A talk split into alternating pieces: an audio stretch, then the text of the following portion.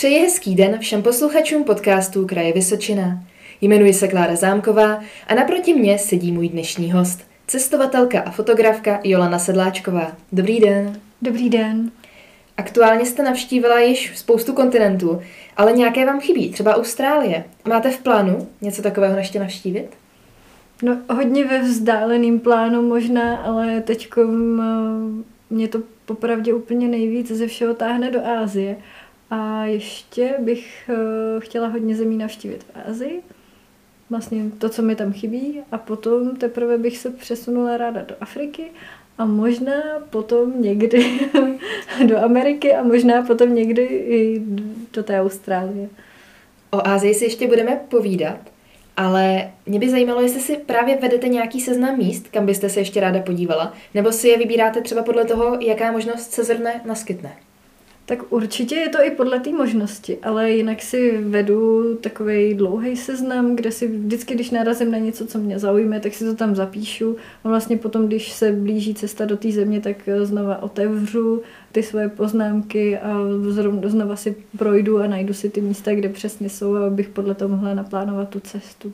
Když jsme u plánování cesty, tak podle těch fotek, co jste fotila a dávala na Instagram nebo na Facebook, mám pocit, že navštěvujete i místa, kam třeba moc lidí nechodí, která nejsou turisticky tolik navštěvovaná. Tak kde na taková místa přicházíte? Já jako mám hodně ráda i mapy a konkrétně mě mnohem víc právě přitahují ty místa, kam nikdo nejezdí, takže o to víc koukám do těch map a hledám si obrázky těch méně známých míst. Prostě mě to obecně táhne víc do takových těch destinací, kam tolik ostatní lidi nejezdějí. Protože když tam potkáváme ty lidi, tak uh, oni jsou fakt rádi kolikrát, že tam prostě někdo do té jejich země vůbec přijel. A to se v těch úplně profláklých turistických destinacích nikdy nestane. A kde na taková místa přicházíte? Máte nějaké rady od jiných cestovatelů, kteří vám třeba poradí nějaká místa, abyste takhle mohla navštívit a která nejsou turisticky tolik vyhledávaná? To asi ani tolik ne. Stává se teda, že občas narazím třeba, když sleduju někoho, kdo hodně cestuje do těch míst, kam bych si chtěla vydat, tak samozřejmě pak tu jeho cestu sleduju pozorněji a tím pádem se jako dozvím něco, ale jsou i třeba zahraniční cestovatelé, konkrétně na sociálních sítích, kde se to, kde se jakoby dá takhle narazit na nějaký místa. Takže je to hodně o hledání na internetu? Jo, asi jo. A pak samozřejmě třeba já mám ráda mapy a když vidím, že někde, kde, že jsou tam hory, tak se podívám, na Google se pak člověk podívá, jak to tam vypadá reálně a narazí tak na nějaký zajímavý místa. Co všechno se, kromě toho vyhledávání nějakých míst, která byste chtěla navštívit, ještě musí udělat předtím, než se na nějakou takovou cestu vydáte?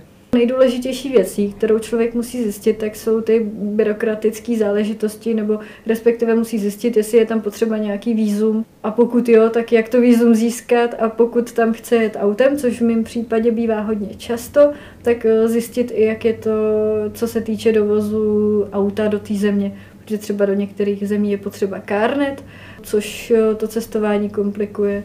Podle čeho určujete, co všechno potřebujete mít zbaleno?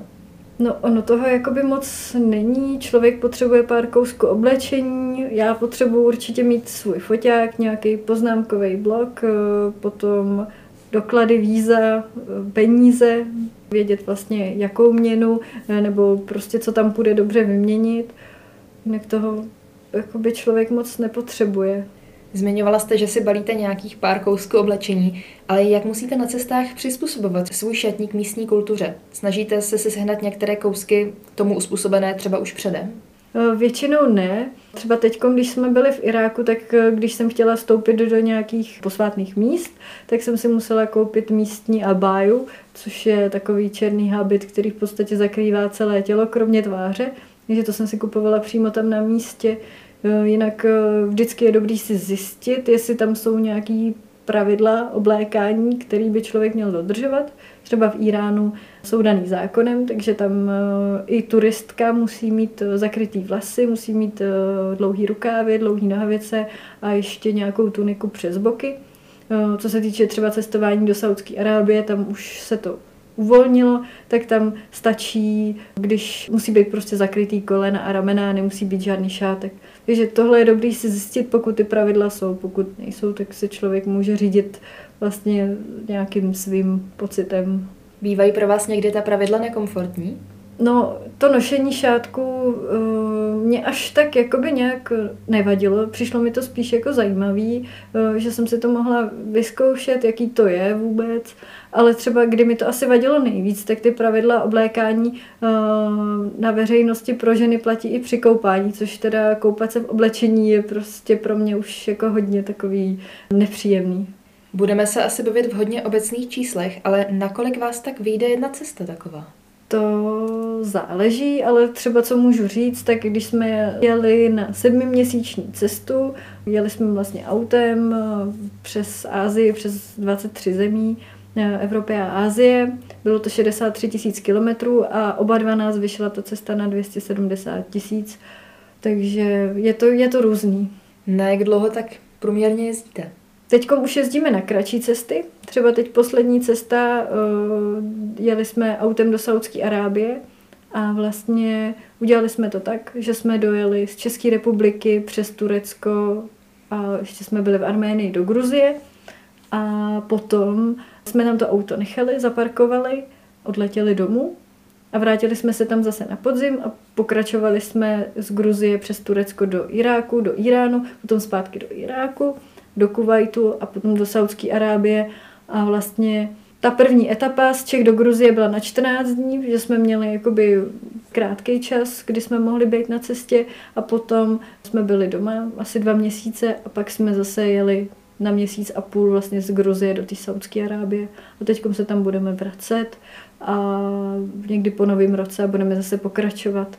Takže Většinou je to tak zhruba od 14 dnů, třeba do měsíce a půl, ale je to opravdu různý. Nejdelší cestu, co jsem měla, byla těch 7 měsíců, pak jsem byla i na tří měsíční cestě a pak teda spíš už na těch kratších eh, kolem těch tří týdnů měsíce. Pochopila jsem, že teda cestujete ještě s jedním člověkem, takže preferujete raději cestování ve skupině než o samotě? Já jsem sama asi pořádně nikde nikdy nebyla. Ideálně je cestovat ve dvou, protože když jsou dva lidi, tak eh, většinou si tak nějak eh, dokážou relativně snadno víc stříc, ale teď poslední dobou cestujeme i ve čtyřech, protože přece jenom to cestování terénním autem není úplně nejlevnější, takže je fajn, když se o ty výdaje podělí víc lidí. Jakým způsobem si převážně zajišťujete na cestách nocleh? Spíte spíš venku nebo si zařizujete ubytování třeba u místních? Co se týče ubytování, tak je to hodně různý. Dřív, třeba když jsme byli na té sedmiměsíční cestě, tak jsme vyloženě spali v autě. Měli jsme uvnitř auta ve stavbu, na který se dalo spát úplně pohodlně. Pak někdy taky když teď cestujeme ve čtyřech, tak sebou vozíme stany, takže spíme buď ve stanu, nebo někdo spí v autě a třeba já teď, když jsme byli v té Saudské Arábii, tak jsem spala hodně venku, rozložila jsem si igelit, karimatku a spacáka, spala jsem vedle auta nebo kousek od auta na igelitu. A potom uh, někdy využíváme i ubytování a třeba když jsme jeli přes Sibiř, měli jsme jako zimní cestu přes Sibiř, když tam panovaly teploty i k minus 50 stupňům, to jsme se ubytovávali v nejrůznějších hotelech a prostě v tom, co bylo, hledali jsme to buď na Google mapách nebo i na Bookingu se dalo sehnat nějaké ubytování, že tam třeba hodně lidí pronajímalo byt v paneláku třeba, takže se dalo ubytovat i tímhle způsobem. Takže ty možnosti jsou různé a samozřejmě na cestách se nám i párkrát stalo, že někdo z místních byl tak hodný, že nám nabídl nocleh, eh, spíš eh, nás k němu i přemluvil víceméně a my se to většinou snažíme úplně nezneužívat, tu pohostinnost místních, ale už se nám to taky stalo, že jsme spali takhle u někoho. Není náročný vykročit takhle z té komfortní zóny, když několik měsíců jste třeba v České republice a pak zase jedete někam na cesty spát takhle venku? Eh, mně to nikdy jakoby nepřišlo tak náročný. V podstatě ten bod zlomu byl ve chvíli, kdy jsem zjistila, že mi stačí ohřát si kon, v konvičce vodu a že si tím dokážu umýt vlasy. Takže já si jako vždycky nějakou tu hygienu udělám. Já bych nešla spát bez toho, aniž bych se umila. A, a od té doby vlastně mi to kempování vůbec nevadí a přijde mi to úplně jako, že v podstatě z žádný komfortní zóny ani nevystupuju. V podstatě mě by vadilo, kdybych se nemohla umýt vůbec, což vždycky člověk má po ruce nějakou vodu, my vozíme sebou kanistry s vodou, eh, že i kdyby se člověk měl umýt nějakou pet láhví, tak se prostě nějakým způsobem umeje a cítí se dobře, teda aspoň já, aspoň mě to tak nějak stačí. Máte z cest nějaký zážitek, kdy jste se už vážně bála, jak to dopadne? Já teď přemýšlím, eh, asi úplně nejhorší zážitek, nebo nejhorší, takový, kdy jsem si říkala, že by se mohlo něco stát, ono se teda nic nestalo. Tak to jsme byli s Arménama u takového termálního pramene a tam jsme se koupali, hodně se tam pilo a my jsme skončili s vojákama v takový boudě a oni se snažili nás trošku opít, eh, hlavně eh, toho mýho bývalého přítele, se kterým jsem tam byla a vlastně on byl už takový připitej a pak on se s ním šel koupat do toho termálního pramene a nechal mě tam samotnou s těma dvouma vojákama v té boudě. Tak to jsem si tak říkala, že jeden z nich byl takový jako nepříjemný, ale nakonec se vůbec nic eh, nestalo, ale už jsem si tak říkala, že tady by se něco stát mohlo a koukala jsem furt, abych měla volnou cestu ke dveřím, kdybych potřebovala utíkat.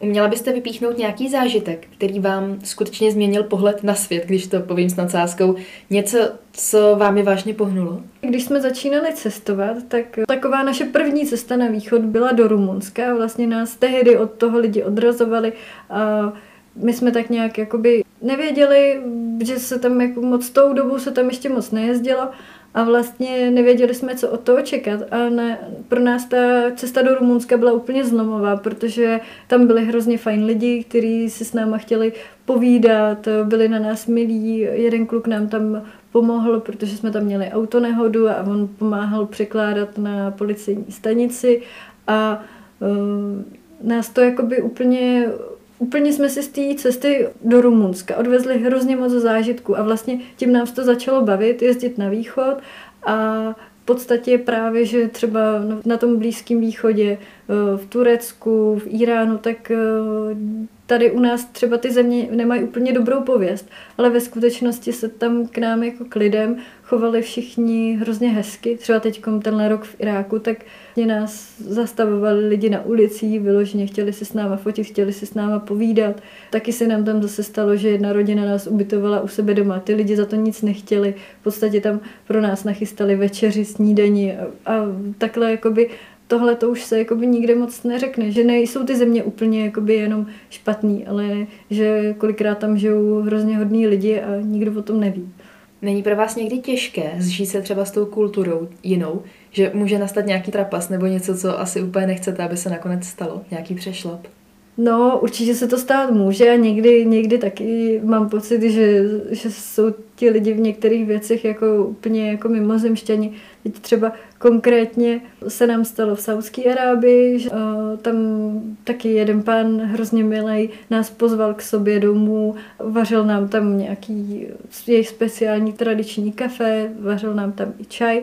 A vlastně od té doby mi ten pán pořád píše a ptá se, kdy zase přijedeme za ním na návštěvu prostě. A jakoby oni si to vůbec nedokážou představit, že my jsme teď tady v České republice daleko a že až někam pojedeme, tak zase pojedeme jinam, ale už nepojedeme k němu na návštěvu. A to třeba i pán z Iránu mi pořád píše, kterým jsme se vlastně viděli v roce 2017, tak se mě pořád ptá, kdy zase přijedeme do toho Iránu a kdy zase přijedeme k němu na návštěvu. Takže je to takový jakoby zvláštní Oni si nás jakoby dokážou oblíbit hrozně moc a jakoby my to na jednu stranu ani nechápeme, protože mě třeba i stalo, že eh, jsme se s někým viděli chvilku a ten člověk mi jakoby psal, jako kdyby jsme byli nejlepší kamarádi, jako kdyby jsme se znali už prostě desítky let. Takže je to takový jakoby zvláštní, že to je opravdu, ta kultura je trošku jinačí. Na facebookových stránkách a na Instagramu pod názvem Po vlastní ose sdílíte fotky ze svých cest – Jakou techniku k focení takto v terénu používáte? Říkala jste nějaký foťák? Jo, teď mám bezdrcadlovku od Sony, ale vlastně mě to focení jakoby hodně baví, i když prakticky musím přiznat, že technicky úplně tomu nerozumím. Spíš jako využívám toho, že vidím, kdy je hezký světlo a že prostě vidím, co bude vypadat na fotce dobře, ale technicky úplně jakoby nejsem moc dobrý fotograf. Říká můj host, cestovatelka a fotografka Jolana Sedláčková. Nový podcast Kraje Vysočina vychází každé pondělí a najdete ho stejně jako ostatní díly na www.kr.vysocina.cz. Děkujeme, že nás posloucháte.